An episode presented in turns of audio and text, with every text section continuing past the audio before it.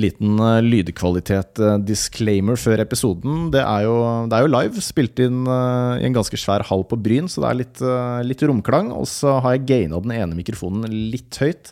Så der er det en, eh, en suselyd. Og så har jeg sittet nå i en god del timer og prøvd å reparere det og mikse og trikse. Og har bare, altså jeg på, har bare på mikkene når de er i bruk for å redusere bakgrunnsstøy. Men da er det en sånn suselyd som kommer og går litt. Da. Hadde kanskje vært bedre å bare hatt en jevn suselyd, men da ble det veldig mye ekko, så ja, nå orker jeg i hvert fall ikke mer.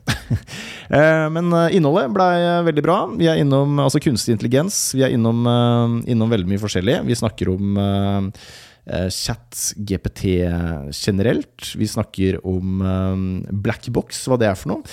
Eh, vi er innom det politiske rundt kunstig intelligens, altså USA, Kina versus Europa. Norge spesielt, den nasjonale strategien for kunstig intelligens som kom ut i 2020. Vi snakker om hvorfor det er vanskelig for norske startups å, å satse på AI. Vi snakker om praktisk anvendelse av AI innenfor uh, medisin og innenfor finansnæringen, altså bank og forsikring. Og på slutten så er vi litt innom etiske utfordringer og litt generelt. Og ja, kreative yrker, om det er uh, også det er utfordret av, av kunstig intelligens. da. Spørsmålsrunden på slutten har jeg kutta vekk, for vi hadde ikke mikrofon til publikum, så det blei jo altfor lavt. Uh, jo, og det nevnte jeg. Spilte inn på Dyrk Bryn. Og hva er uh, Dyrk Bryn? Jo, det er et uh, femårig prosjekt i et 2000 meter, kvadratmeter stort bygg på Bryn. et kreativt prosjekt. det er her jeg har podkaststudio og leierom. ganske kul greie. masse kunstnere og kreative folk som leier rom her og er samla. Sjekk det ut på dyrkbryn.no. Det var vel det. Um, ja. Kunstig intelligens med Ingeborg Frøysnes og Ishita Barua. Dekodet.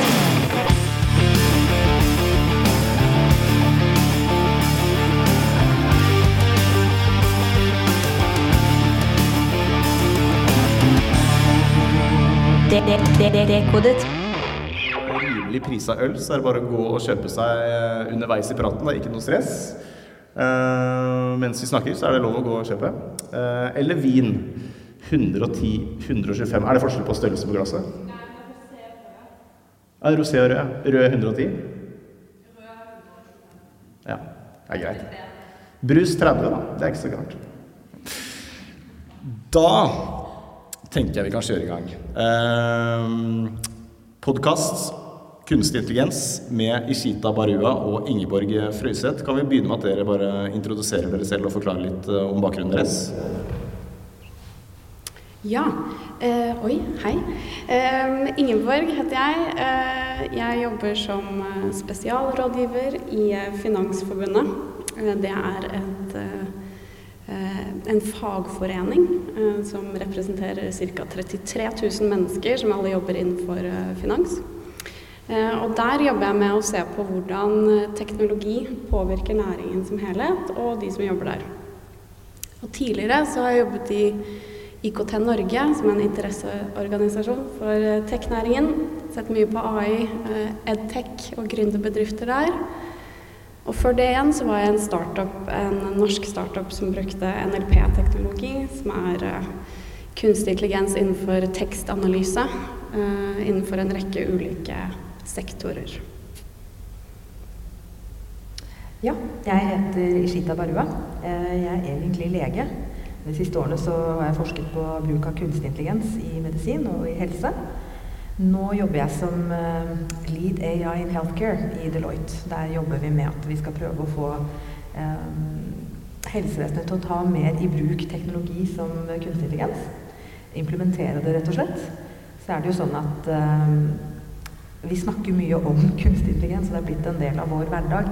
Men når du kommer til fastlegen, så er det fortsatt ikke sånn at det er en robot du møter. Eller på sykehuset så er det ikke, er det ikke um, robotkirurger som opererer.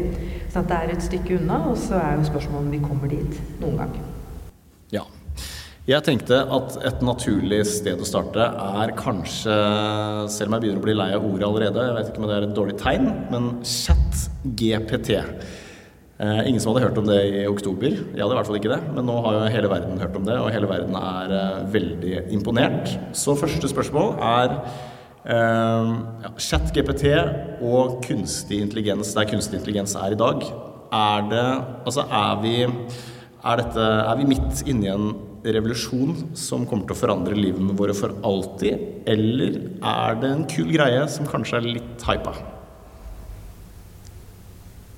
Kjør på. jeg, jeg, altså jeg, er bias der, for jeg syns at det er helt glimrende. Jeg bruker det masse. Um, og synes at det er gøy å finne ut hvordan jeg på en måte kan optimalisere hverdagen min. altså alt, alt det som går på tekst, prøver jeg på en måte ut med ChatGPT. Så er det ikke sånn at jeg ikke vet om fallgruvene, eller ikke vet på en måte at dette må man bruke med forsiktighet. Altså, du, det er jo noen ganger hvor du kommer med regelrette løgner, eh, eller bare totalt usanne kommandoer. Sånn at du må bruke det innenfor et felt hvor du vet at det, det her kan jeg etterprøve, det her kan jeg sjekke. Og hvis det, altså hos meg så er det sånn jeg føler at det har blitt et sånt uh, verktøy for å unngå prokastinering. Altså Jeg orker ikke å skrive den mailen for å klage på den og den tingen som jeg kjøpte, for den er blitt ødelagt. Og så skriver jeg liksom Skriv en klage, henvis til forbrukerloven, og så får jeg en mail som er ferdig skrevet, og den er ganske bra. Istedenfor at jeg bruker tid fra altså, en hektisk hverdag på å liksom sitte og tenke og formulere. Noen ganger så bruker man unødvendig lang tid på ting, altså tid på ting som er helt uh, banalt. Det er sånne ting. Så jeg bruker det veldig ofte til ting som jeg føler det hadde blitt altså Istedenfor å utsette dette her i flere måneder, så kan ChatGPT bare gjøre det for meg. Så til dels så har det blitt en sånn Jeg mistenker at uh, noen ganger så kan du ha La oss si du er lærer, da. Og så gir du en elev en oppgave, skriv en tekst sånn og sånn og sånn. Mm, det ble jo ganske bra. Ja, det, ja, dette var bra. Men du som lærer vet akkurat hvorfor den teksten er bra, hva som er riktig, hva som er galt. Så du må på en måte ha en sånn domeneekspertise innenfor det du ber om, sånn at du faktisk kan teste om det var bra. Ja. Ja, altså jeg tenker Det er, det er en eh, New York Times-skribent eh, som fortalte at han hadde hatt en, en kjempelang dialog med Eh, altså eh, ChatGPT-drevet eh, chatbot. Eh, hva den heter til Bing? Bing, ja. Takk. Bing eller Sydney eller hva man kaller den. Men han hadde hatt en lengre samtale med denne chatboten. Og til slutt så hadde Bing da proklamert sin kjærlighet for denne mannen og bedt ham forlate kona si. Du blir sånn Shit, oi, hva er det som skjer? og så ble dette offentliggjort, og Microsoft ble tvunget til å liksom se mer på, på, hva som lå bak her. Og, og så startet Twitter en sånn eh, bevegelse som het Free Sydney, eller Free Bing. Som går på liksom Nei, den skal slippes løs, og la den leve. Eh, så det er jo helt absurd, egentlig. Eh, og dette har gått så sykt fort. For da ChatGPT ble eh, sluppet fri, som den jo absolutt gjorde. Så gikk det to uker, og så hadde det, den appen blitt nedlastet 100 millioner ganger. Og det er jo helt enorme tall. Og plutselig så sitter da 100 millioner mennesker og er liksom Hva skal man kalle det? AI-trenere, da. Ikke sant? Og har liksom en sånn det er blitt en integrert del, uh, og, og forstår, man forstår plutselig AI på en helt annen måte enn man kanskje gjorde tidligere. Bare gjennom dette som er blitt virkelig sluppet fri, da.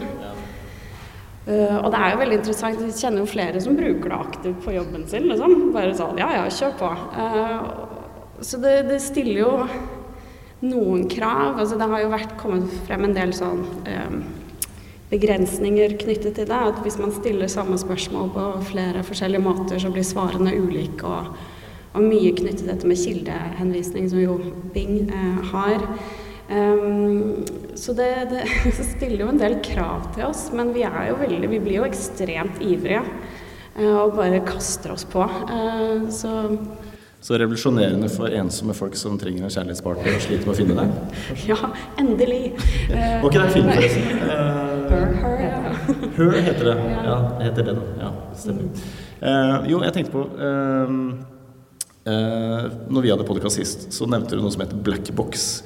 Uh, og så googla jeg det kjapt, og det er vel noe sånn at Nå er vi litt inne på teknologien bak, der, vi skal ikke dykke for mye i det, men det hørtes litt både interessant og skummelt ut at black box, da er vel ikke innsyn i dette må du forklare, men det er ikke innsyn i teknologien som ligger bak, og selv programmererne skjønner ikke helt outputen som kommer ut på andre sida, eller et eller annet sånt? Jo, det stemmer. Um, altså det refererer egentlig til at det er en black box, at du har ikke innsyn. Du ser ikke hvordan um, maskinlæringsmodellen har kommet fram til de outputene, altså det utfallet eller den um, anbefalingen til slutt.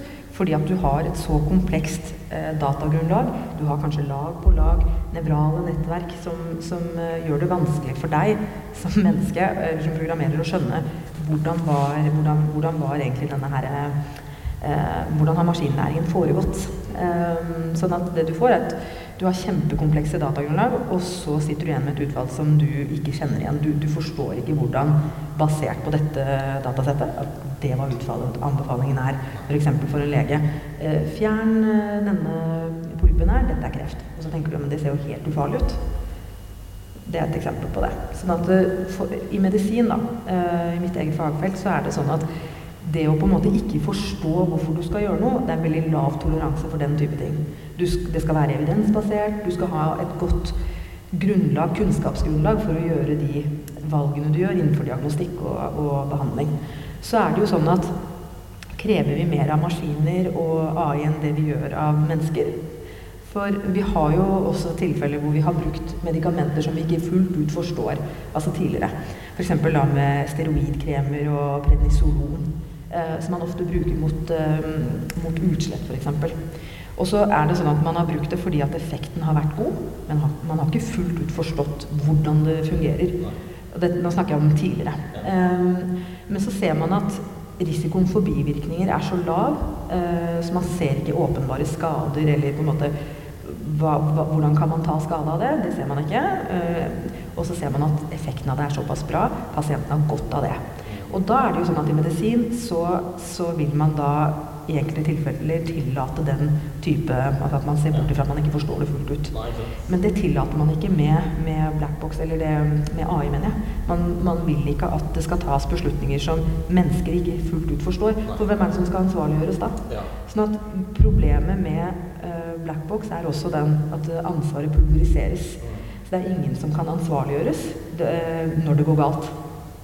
Jeg går rett til sånn dystopia når jeg hører Black Box, at man har skapt et monster som blir mer og mer komplekst og mer og mer avansert, og så til slutt så mister man kontrollen, og så er vi fucked. Ja, det Nei. jeg, jeg, jeg, tenker at det, det, det, går sikkert bra. Altså, eh, frykten Altså, man må jo bare jobbe mot å ha full transparens. Altså, man må jobbe mot at ting blir etterprøvbart, og at man klarer å forstå. Men jeg tror også at det, det, finnes andre bransjer hvor det er mindre risiko å, å, ta feil, og hvor man på en måte har råd til å uh, move fast and break things. Helsevesenet er kanskje ikke det hvor man skal prøve seg på den approachen. At man, at man liksom bare prøver seg, så får man se hvordan det går. For der er utfallene i ytterste konsekvens liv og død. Ja. Uh, så jeg tror kanskje andre bransjer kan gå i bresjen og, og, prøve ut noen av de verktøyene vi har innenfor AI. Mm. Uh, ChatGPT det er jo er det ikke et selskap som heter OpenAI som står bak. Og det er jo i hvert fall ikke et norsk selskap, sikkert amerikansk kanskje. Eller, ja. Og sånn jeg skjønte, så er det jo noen ulike løp her. da, ikke sant? USA kjører et kunstig intelligens-løp, Kina har sin egen greie, og så har Europa sin greie. Og jeg, her i Europa så er det mye strengere regulert og fokus på GDPR på en helt annen måte enn uh, i USA og Kina. Uh, kan du si litt om forskjellene der? Ja, altså um, OpenAI ble jo etablert bl.a. av Elon Musk. Uh, og deres hovedambisjon er jo å forske videre på dette som heter artificial general intelligence, der hvor på en måte maskiner opererer litt som uh, mennesker. Uh, og de hentet funding bl.a. fra Microsoft, som i 2018 stilte med 1 milliard dollar. 2019 stilte de med to, og siden har de stilt med titalls milliarder. og deres Bing er også basert på den teknologien. Så, så, det sier jo litt om på en måte eh, hvordan USA opererer i dette spacet. Da. Eh, og det er ekstremt tette koblinger mellom akademia og business. Og det er mye det man kaller business first. Eh, og så har du da på andre siden eh, Kina. Som har tilgang på enormt store datamengder, og som også er veldig ambisiøse, hvor alt er sentralisert i statens makt. Og så har du midt imellom der så har du EU, som har et kjempefokus på det å bevare liksom, borgernes rettigheter. Man har visse rettigheter, visse verdier, som er helt fundamentale for EU. Og Norge inngår jo også i dette økosystemet. Eh, og de har jo vært ledende på å utvikle, prøve å utvikle reguleringer. Og det er jo kanskje det vi snakker om også når man snakker om black box og ansvarlighet. Dette med å eh, At man må ha visse parametere som gjør at ting lar seg forklare tilstrekkelig. Uh, og det, det, er også sånne ting som at man ikke Man skal ikke få avslag på boliglån fordi uh, maskinen sier nei. Det må være noe mer. ikke sant? At du har krav på forklaring. Du har krav på at et, et menneske ta, gir deg en uh, second opinion.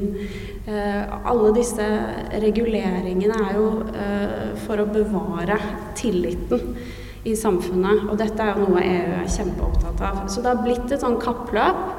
Eh, startskuddet for, eh, gikk jo for, for, lenge siden når det gjelder eh, AI på den globale arena, og det er jo helt klart USA som leder der, uten tvil.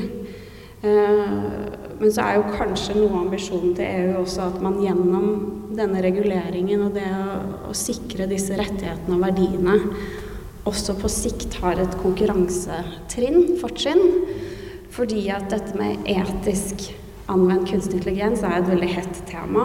Og man ser også visse stater i USA innføre regler inspirert av EU på personvern eller ja, ting som er tett knyttet opp mot bruk av AI. da.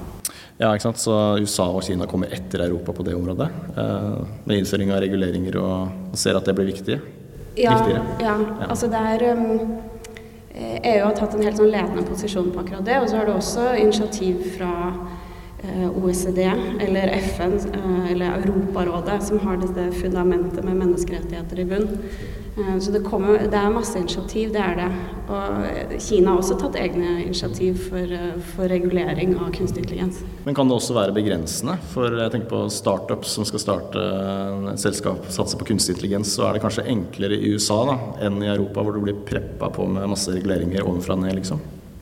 Ja, det er jo et klassisk dilemma, det der. Skal man liksom sikre øh, forbrukernes rettigheter, eh, samtidig som man klarer å få mer innovasjon eh, og skape vekst. Det er alltid eh, et dilemma som må vurderes, og det er jo også noe EU har satt veldig på dagsordenen. Så de har jo etablert masse store AI-fond for å liksom stimulere til at det blir mer innovasjon og gründerbedrifter.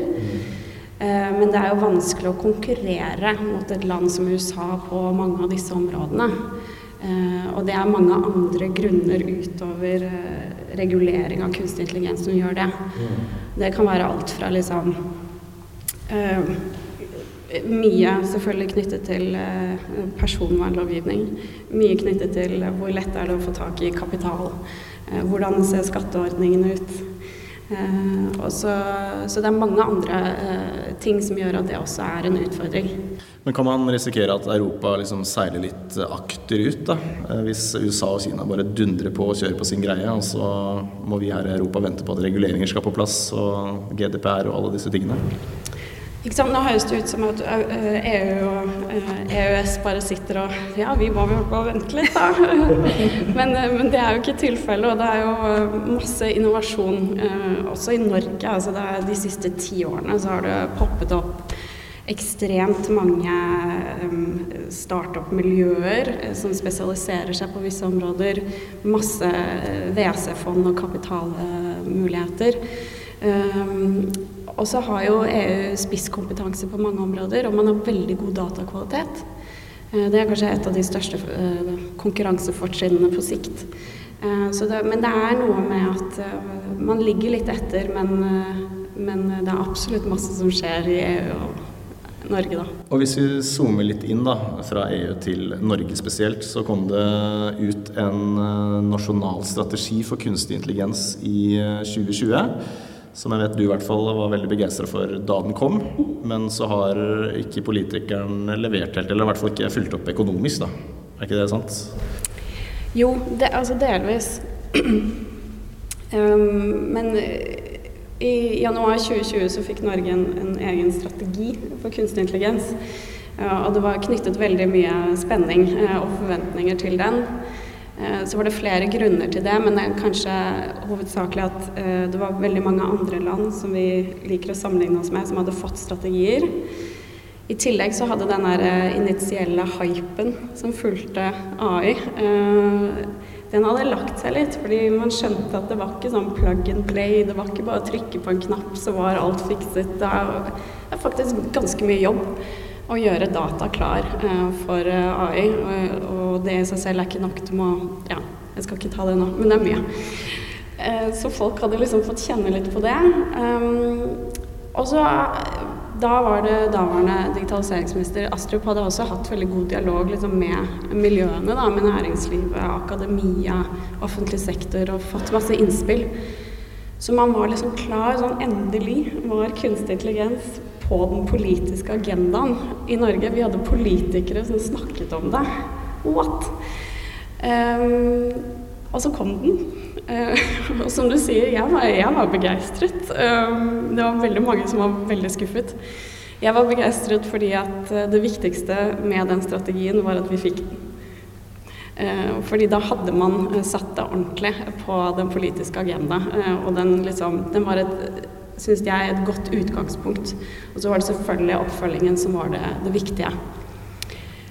Um, og det eneste konkrete som kommer ut av den, sånn egentlig, hvis man skal se litt stort på det, er jo en regulatorisk sandkasse for kunstig intelligens og personvern som ligger i, eh, hos Datatilsynet, som er kjempebra. Men som ikke er stor nok skala.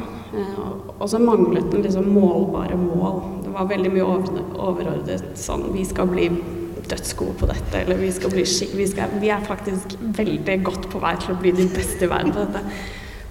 Um, og så fikk man ny digitaliseringsminister. Uh, og så begynte man å snakke om data som den nye oljen. Jeg vet ikke om dere husker det? Det var veldig mye snakk om det. Så vi fikk en stortingsmelding om datadrevet økonomi. Som liksom skulle bygge opp på det som jo er råstoffet til uh, å kunne bruke AI. Og så uh, mistet vi jo digitaliseringsminister i Norge. og det fikk ikke ny heller? Fikk ikke ny.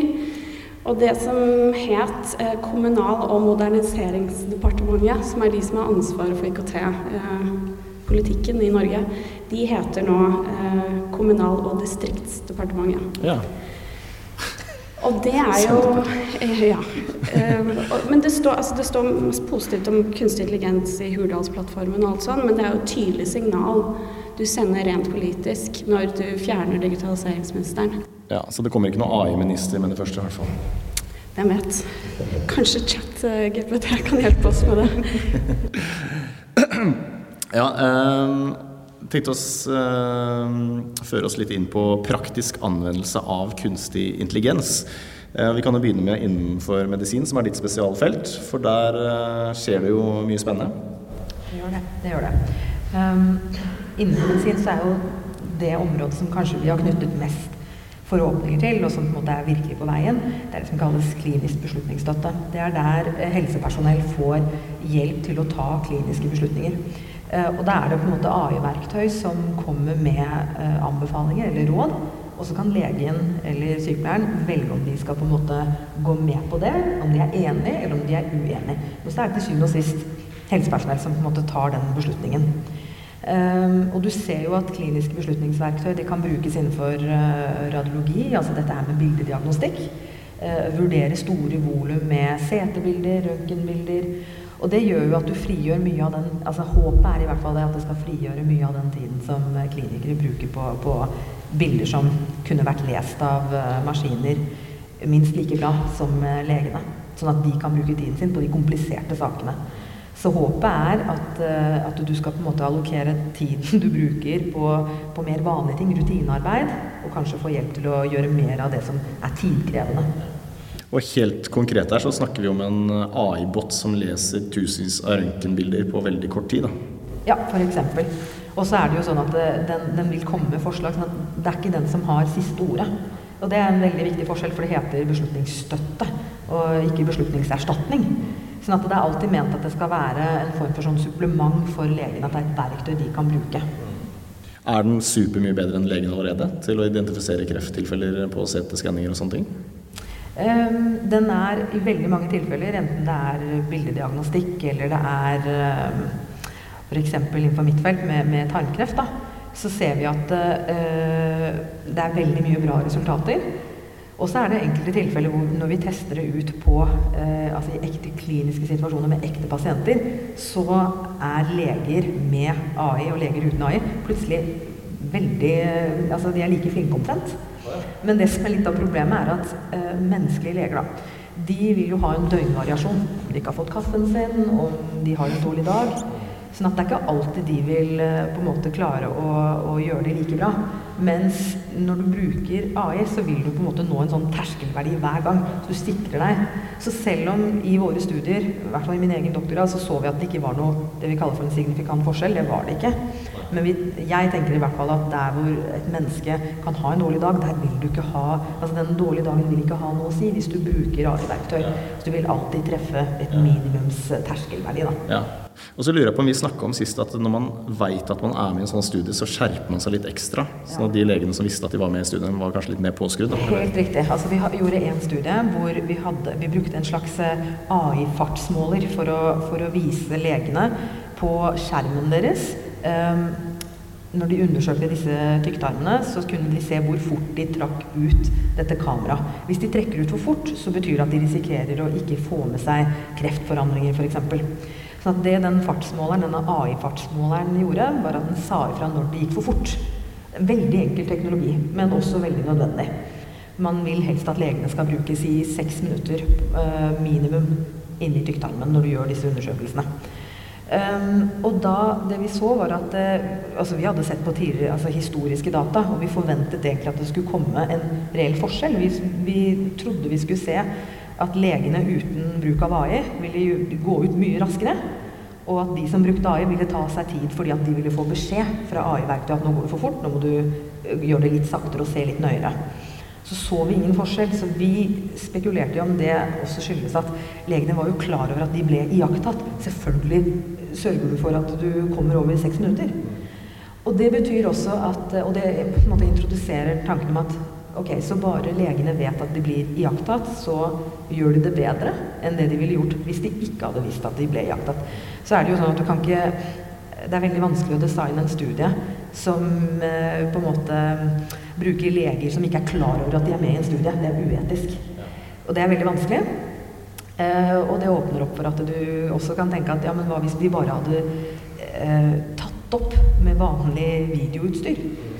det er jo mye billigere enn å bruke AI-utstyr. Så hvis, kunne effekten vært det samme hvis du egentlig bare er ute etter at en sånn eh, effekt hvor noen vet at de blir iakttatt. Ja. Men Foreløpig er dette på forskningsstadiet. Når tror du at dette rulles ut da, og blir brukt uh, på ordentlig?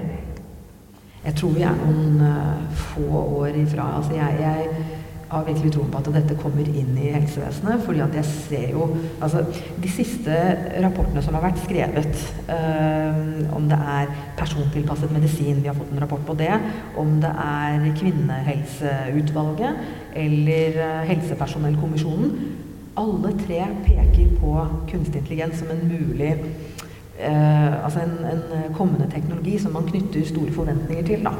Og så er det flere av de som på en måte poengterer det at den, den, den, teknologien må faktisk gi mer eh, Det må gi noe avkastning. Det kan ikke være at vi bruker teknologi for å løse et problem, og så blir det ikke løst, det bare skaper merarbeid.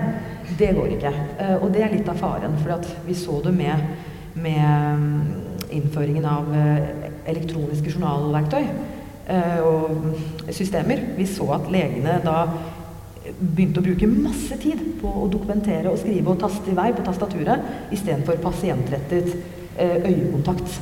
Um, og det var Det er jo ikke det vi ønsket. Og så kommer man ikke utenom at man må dokumentere, men kanskje det finnes andre løsninger for det. Er det virkelig noe som krever en seks års utdannelse, å sitte der og, og, og, skrive notater? Kunne vi funnet måter hvor vi utnytter teknologi til å gjøre den jobben der? Før så hadde vi jo faktisk eh, helsesekretærer. Nå, vi har mindre og mindre av de funksjonene på plass på sykehus. Sånn at eh, noe av håpet som alle disse rapportene peker på, er at vi må finne en måte hvor teknologi kan brukes til å avlaste helsepersonell, til å gi mer eh, direkte pasientkontakt, mm. eller pasienttid. Da. Mm. Men er kunstig intelligens rullet ut på sykehus i andre land? Bare for å dra, gå tilbake til sammenligning i USA, Kina versus Norge. Er det sånn at de bare er i full gang, mens vi i Norge venter på å få resultatene fra forskningen? De er definitivt kommet lenger i USA. Eh, nå var jeg i USA på et amerikansk sykehus i 2021, i Boston, og der hadde de eh, der hadde det på en måte en sånn, et AI-verktøy for koloskopi, altså hvor du går inn med fleksibelt uh, kamera i endetarmen. Uh, der hadde det kommet et AI-verktøy for det. Så det var på plass. Det var godkjent av det amerikanske legemiddelverket, FDA. Det var bare å begynne å bruke. Så alt lå til rette. Men der var det for dyrt. Altså, et av de antagelig rikeste sykehusene i USA, i Boston, hadde ikke råd til dette her. Sånn at helsevesenet deres er på en måte rigget litt annerledes. Det er uh, helseforsikringer som gjelder. Så finansieringssystemet deres er veldig annerledes. Og det her var en sånn, et, en sånn abonnementløsning. De hadde ikke råd til å på en måte uh, betale for per bruk. Så det var, det var, på en måte hindringene der. Men uh, når man ser bort ifra det, så har de kommet lenger. De har jeg tror de har over 500 godkjente kliniske AI-verktøy i USA. Sist jeg sjekket, så det er over 500 nå de, de, har masse de kan ta i bruk. Så der er det mer investeringene. Infrastrukturen må være på plass. Så må man betale for det, og så er det bare å ta det i bruk, det som er godkjent. Så de har kommet lenger. Vi har ikke tilsvarende forhold her i Norge. Og så lurte jeg bare på Hvordan ser det egentlig ut når en sånn AI-maskin skanner sånne setebilder? For jeg så egentlig for meg en sånn robot, en svær maskin, men det er bare en vanlig PC med et software-program, liksom? Helt riktig. Altså det er det aller beste er hvis du kan fortsette å bruke de samme PC-ene som du har på sykehus nå, men så har du bare en add-on, eh, altså et program du har kjøpt, en programvare, som går oppå det du allerede har, eller som en sånn plug-in-løsning.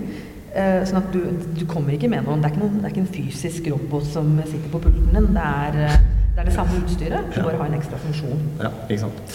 Ok, Så kunstig intelligens innenfor eh, medisin og helsevesenet det er fortsatt på forskningsstadiet, men innenfor finansnæringa der er det kommet ganske mye lenger, som er ditt spesialfelt? da. Ja, men jeg syns det er veldig interessant å høre eksemplene du kom med. Også det kanskje helsevesenet og finansnæringen har til felles, er jo at det er gjennomregulert. Eh, og tillit er liksom det store ordet. Men eh, finansnæringen i Norge er jo kommet veldig langt når det gjelder digitalisering i utgangspunktet. Og så har vi kartlagt i Finansforbundet så har vi kartlagt bruken av kunstig intelligens innenfor norske banker og forsikringshus. Uh, og da fant vi at 85% svarer at de bruker en eller annen form for AI-løsning hver dag. Og da kan det være alt fra at man prøver å predikere hvor sannsynlig er det at en kunde er i ferd med å forlate oss. Det som kalles churn. Eh, eller man eh, gir kunderådgivere forslag til hva, ut ifra hva du har snakket med denne kunden om, hva er ditt neste beste trekk? Altså hva, hva kan du anbefale denne kunden videre? Innenfor f.eks. For forsikring, eh, når du skal forsikre noe, så er det ekstremt mange parametere, mange datapunkter, som går inn for å eh, bedømme hva forsikringspremien blir. Eh, det kan ta flere måneder å få et godt forslag, en oppgradert pris, og nå tar det liksom to uker med kunstig intelligens. Og det, det, er et viktig poeng, fordi at uh, det kan man se på det man kaller bunnlinja i selskapet. ikke sant? Når kunstig intelligens oversettes til at du faktisk sparer penger, da er det et tegn på en modning i en næring. Og så er det jo også f.eks. For i forhold til ansiktsgjenkjenning. Det er sikkert flere her som har innom banken for å bli relegitimert. Uh, det hadde også vært vanskelig for mange banker uten uh, hjelp av uh, kunstig intelligens. Så det er, uh, det er, veldig mange sånne konkrete caser. Um, skal vi ta det litt tilbake, for nå har vi snakka en del om praktisk bruk av kunstig intelligens i de domenene som dere er spesialister i. Um, vi starta jo med chat-GPT. Uh, tenkte på liksom det at chat-GPT nå Alle har hørt om ordet, og kunstig intelligens er nå plutselig noe alle kan snakke om. da noe som før var forbeholdt eksperter og programmerere, nærmest. Liksom. Men nå er det blitt veldig tilgjengeliggjort og allment. Det har liksom endra litt samfunnsdebatten, har det ikke det? Jo, altså jeg tenker jo det er jo kanskje noe av det som er kulest med ChatGPT, er jo at det har demokratisert eh, forståelsen av kunstig intelligens. For det var lenge bare, det er liksom bare noen som kan ha denne samtalen. Eh, og man ekskluderte veldig mange fra å ta del i en samfunnsdebatt, fordi at kunstig intelligens er så Altså det er et sånn enormt paradigmeskifte uh, i veldig stor grad, så alle må være med på den samtalen. For det påvirker alle deler av samfunnet. Og jeg syns det var interessant å se at liksom, den verden som kanskje begynte å diskutere dette uh, først, i forhold til å ikke være teknologer, var jo kunstverden. Hvor man så at uh, oi, kunst generert av kunstig intelligens, er det fortsatt kunst? Hva er det vi diskuterer nå? Og der begynte det en, en diskusjon som er kjempespennende. Uh, og så har jo dette da forplantet seg fordi man ser at det kan brukes i så mange områder. Og det, det utfordrer oss og måten vi jobber på, måten vi tenker på. Uh, og da er det så viktig at alle er med på den diskusjonen. Derfor er det også viktig at politikerne er med på den diskusjonen. Og vi snakker mye om liksom Når vi utvikler AI-produkter, når vi implementerer dem, så må uh, Så er liksom mangfold et sånn kodeord, da. Fordi at Eh, du må ha tverrfaglige team som består av all slags type folk. Eh, for å sikre at det produktet du lanserer er så godt som overhodet mulig, og at du ser alle fallgruver. Eh, fordi man ser som regel kun det man kjenner selv. Derfor må man ha flere perspektiv. Vi snakker om dette i forhold til hvordan vi skal bruke liksom, etisk anvendelse av kunstig intelligens. Og så har man frem til nå ikke hatt alle med på diskusjonen i det hele tatt. Så, så, det tenker jeg er sånn superspennende. Mm, enig. Um, en slurk? Ja. Skal vi ta en felles slurk? Er det lov å si skål? Ja, skål! skål. Fem kroner skål. Um, jo, men du snakket litt om Du var inne på um, kunstbransjen. Da, og det var jo kanskje Eller jeg så ikke den komme. Og det er vel ikke det folk tenkte først og fremst når, snak, når man snakka om kunstig intelligens, at den bransjen også er utsatt i gåsetegn. At en AI-båt plutselig kan uh, generere et uh, design, et bilde som ser ut som det er designet av et menneske Uh, generere musikk, autogenerere musikk. Der føler jeg det er et lite stykke igjen. Uh, det lille jeg har hørt, låter ikke så veldig groovy, men uh, det, er det er starten på et eller annet da, som sikkert kan bli helt sjukt på sikt. Men selv ikke kunstbransjen, liksom, den kreative bransjen, er beskytta. Eller, ja. Jeg tenker Kunst eh, blir jo alltid utfordret, eh, og man så sett det også med NFT-kunst. Liksom teknologi utfordrer kunsten, og de tar ofte eh, debattene, da. Eh, så kanskje ikke så overrasket, men, men samtidig så blir det så veldig visuelt, altså bokstavelig talt. Ikke sant? Når det er kunst, kunstverk generert av AI, så så blir det plutselig så veldig tydelig hva dette faktisk kan gjøre. Og så tenker man jo på hva skjer med arkitekter? Blir dette en forlengelse av deres kreativitet, eller blir det, blir det et verktøy, eller blir det noe som erstatter? Eh, så jeg tror mennesket får en veldig sånn kuraterende rolle i møte med AI, og det er jo egentlig et kunstbegrep som sådan. Ja, altså er det, men det er jo ikke bare hvis Verdien til kunst handler jo ikke bare om selve produktet. Det er jo også liksom eh, at man vet hvem det er som står bak. At det er en kjent maler, tenker jeg, eller at det er den og den artisten som har lagd den og den låta. Gjør den låta for mange gjør den låta mer verdifull for mange da, enn bare låta isolert sett. Så hvis man vet at dette er et AI-generert eh, bilde, eller dette er en AI-generert eh, sang, mister det kanskje litt verdi for mange bare der, da. Selv om det låter kult eller ser kult ut, tenker jeg, da. Nå burde vi hatt noen kunstnere her som kunne ja, Jeg liker at dette har blitt en podkast om AI og kunst. Ja. Jeg tror det bare er nå. Jeg, jeg tror at det er en tilvenningssak. Jeg tror at uh, ja, mye av kunsten er, handler om at du har kanskje et forhold til, til um, artisten bak, eller til uh, emosjonene bak, eller til på en måte hele formålet med den kunsten bak. Ja, til en viss grad. Men hvis du gjør en blindet blindetest og, og tester folk på om tror du dette er laget av AI, eller tror du det er en ekte kunstner, så tror jeg det etter hvert vil bli, og det, det er det allerede nå, veldig vanskelig. Altså Det var jo en sånn kunstkonkurranse i USA, var det ikke det? Med, med, var det Dally, eller så var det eh, et annet verktøy, kunstverktøy, hvor den som stakk av med prisen, var et maleri.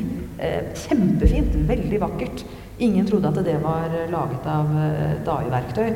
Og først etterpå, når man fikk vite det, så kom liksom sinne og frustrasjon. Bare, Hæ, er det, er det på en måte kunstverk laget av en robot? Nei, vant det førsteprisen? Og da reagerer man. sånn at jeg tror egentlig at det er en tilvenningssak. For jeg tror at hvis man godtar premisset om at det spiller ingen rolle hvem som er artisten, om du liker artisten eller ikke, altså om det er han eller hun eller robot eller menneske jeg tror, jeg tror vi kommer til å komme til et punkt hvor vi vil verdsette kunst for hva det er.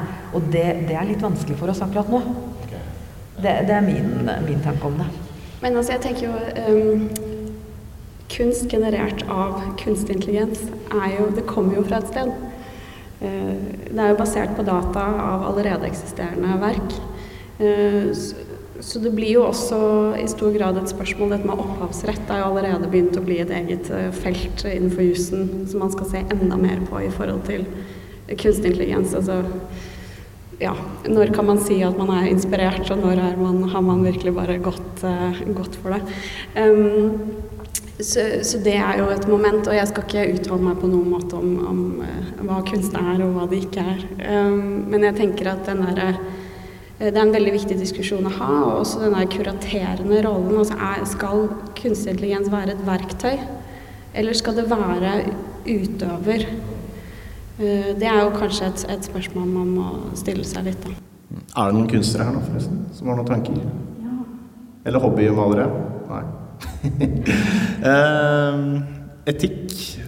Vi må komme litt inn på etikk òg. Uh, etiske problemstillinger rundt knytta til f.eks. Uh, eh, dette med deep uh, ja, deepfakes, da, deep learning, deepfakes. De setter jo bare deep foran alt som er komplekst og avansert, men, uh, og som høres skummelt ut.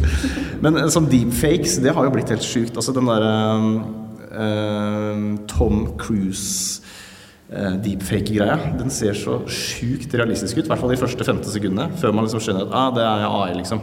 Men det, har, altså, det, er ikke sånn at teknologien er der om fem år. Det er jo sånn at jeg nesten ble lurt. Da tenker jeg Hvis du er 70 eh, år da, og ikke så veldig teknisk kompetent, så kan du i hvert fall bli lurt allerede nå av den type ting. Eh, race, racer ikke det noen etiske problemstillinger? Jo, altså Opplagt.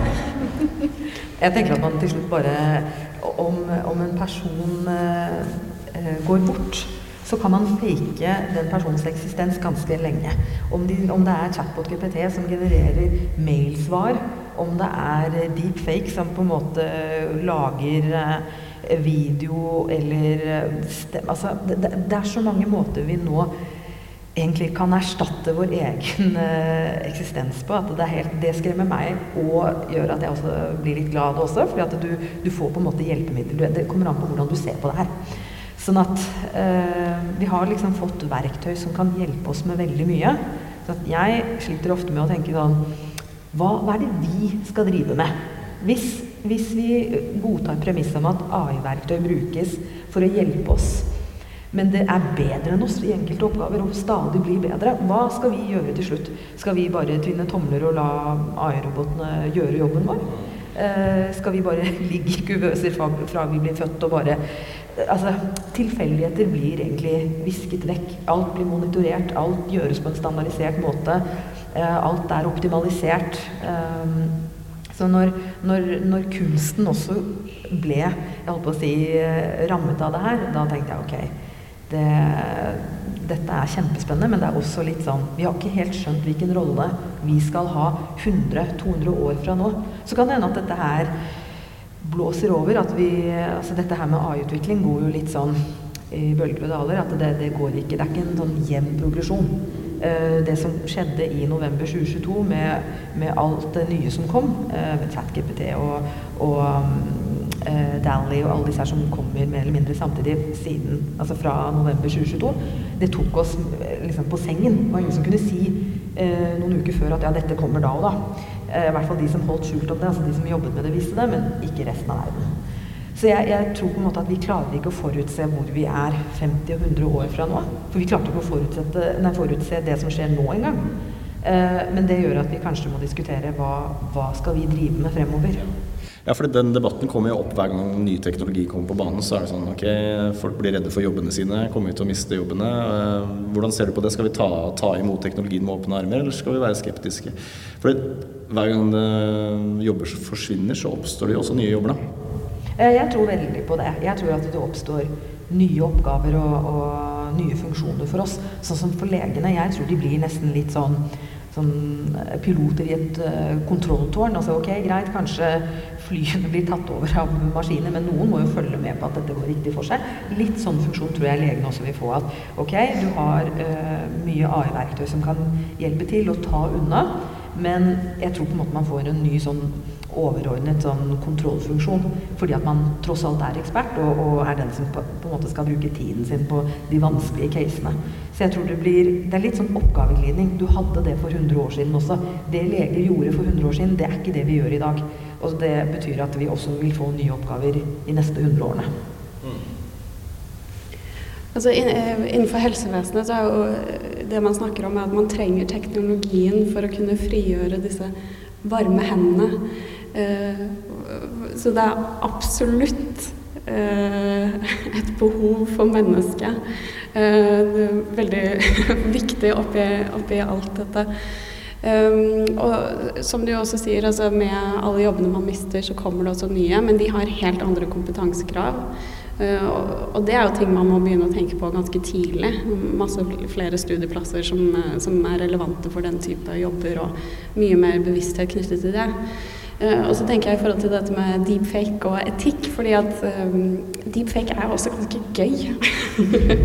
altså det er jo kult med hologram av Tupac og, og, gøy med Tom Cruise som gjør uh, rare ting. Men, så det er jo et underholdningsøye med det, eller sånn en underholdningsverdi der også.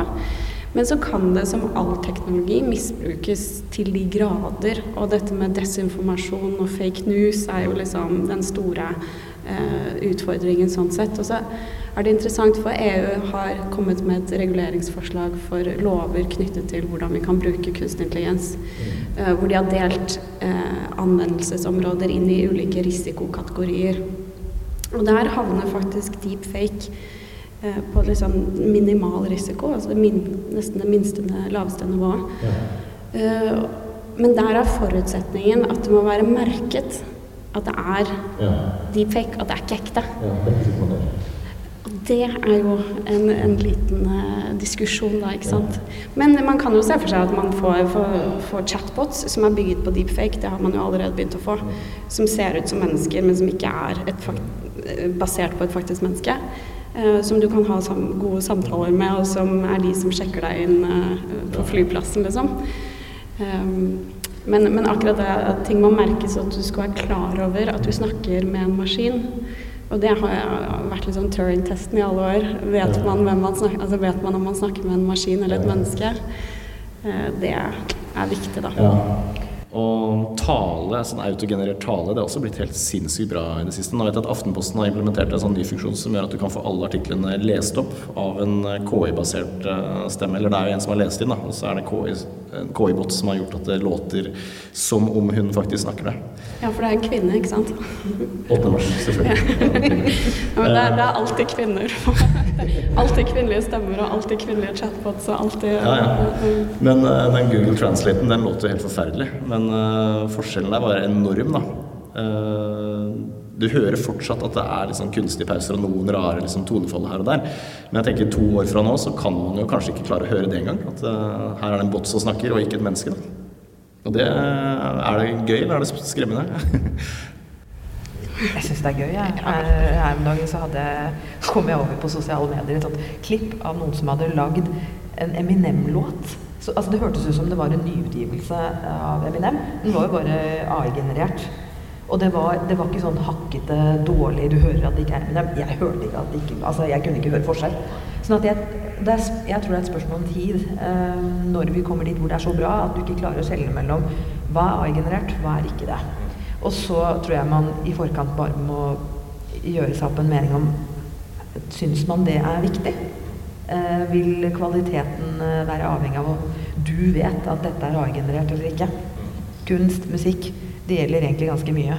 Nå var det nylig en undersøkelse i USA hvor de undersøkte om, om uh, pasienter syntes det var greit at uh, legene de gikk til, brukte AI-verktøy som uh, klinisk beslutningsstøtte.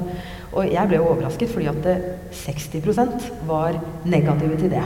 Tenkte jeg 60% var negative. Det er jo kjempebra tall. Det, jo, det betyr at det er 40% som ikke er negative. Hæ? Det er jo Altså, dette, var, dette er et land hvor, som hadde altså hvor så mange var skeptiske til vaksinen, altså den eh, covid-vaksinen.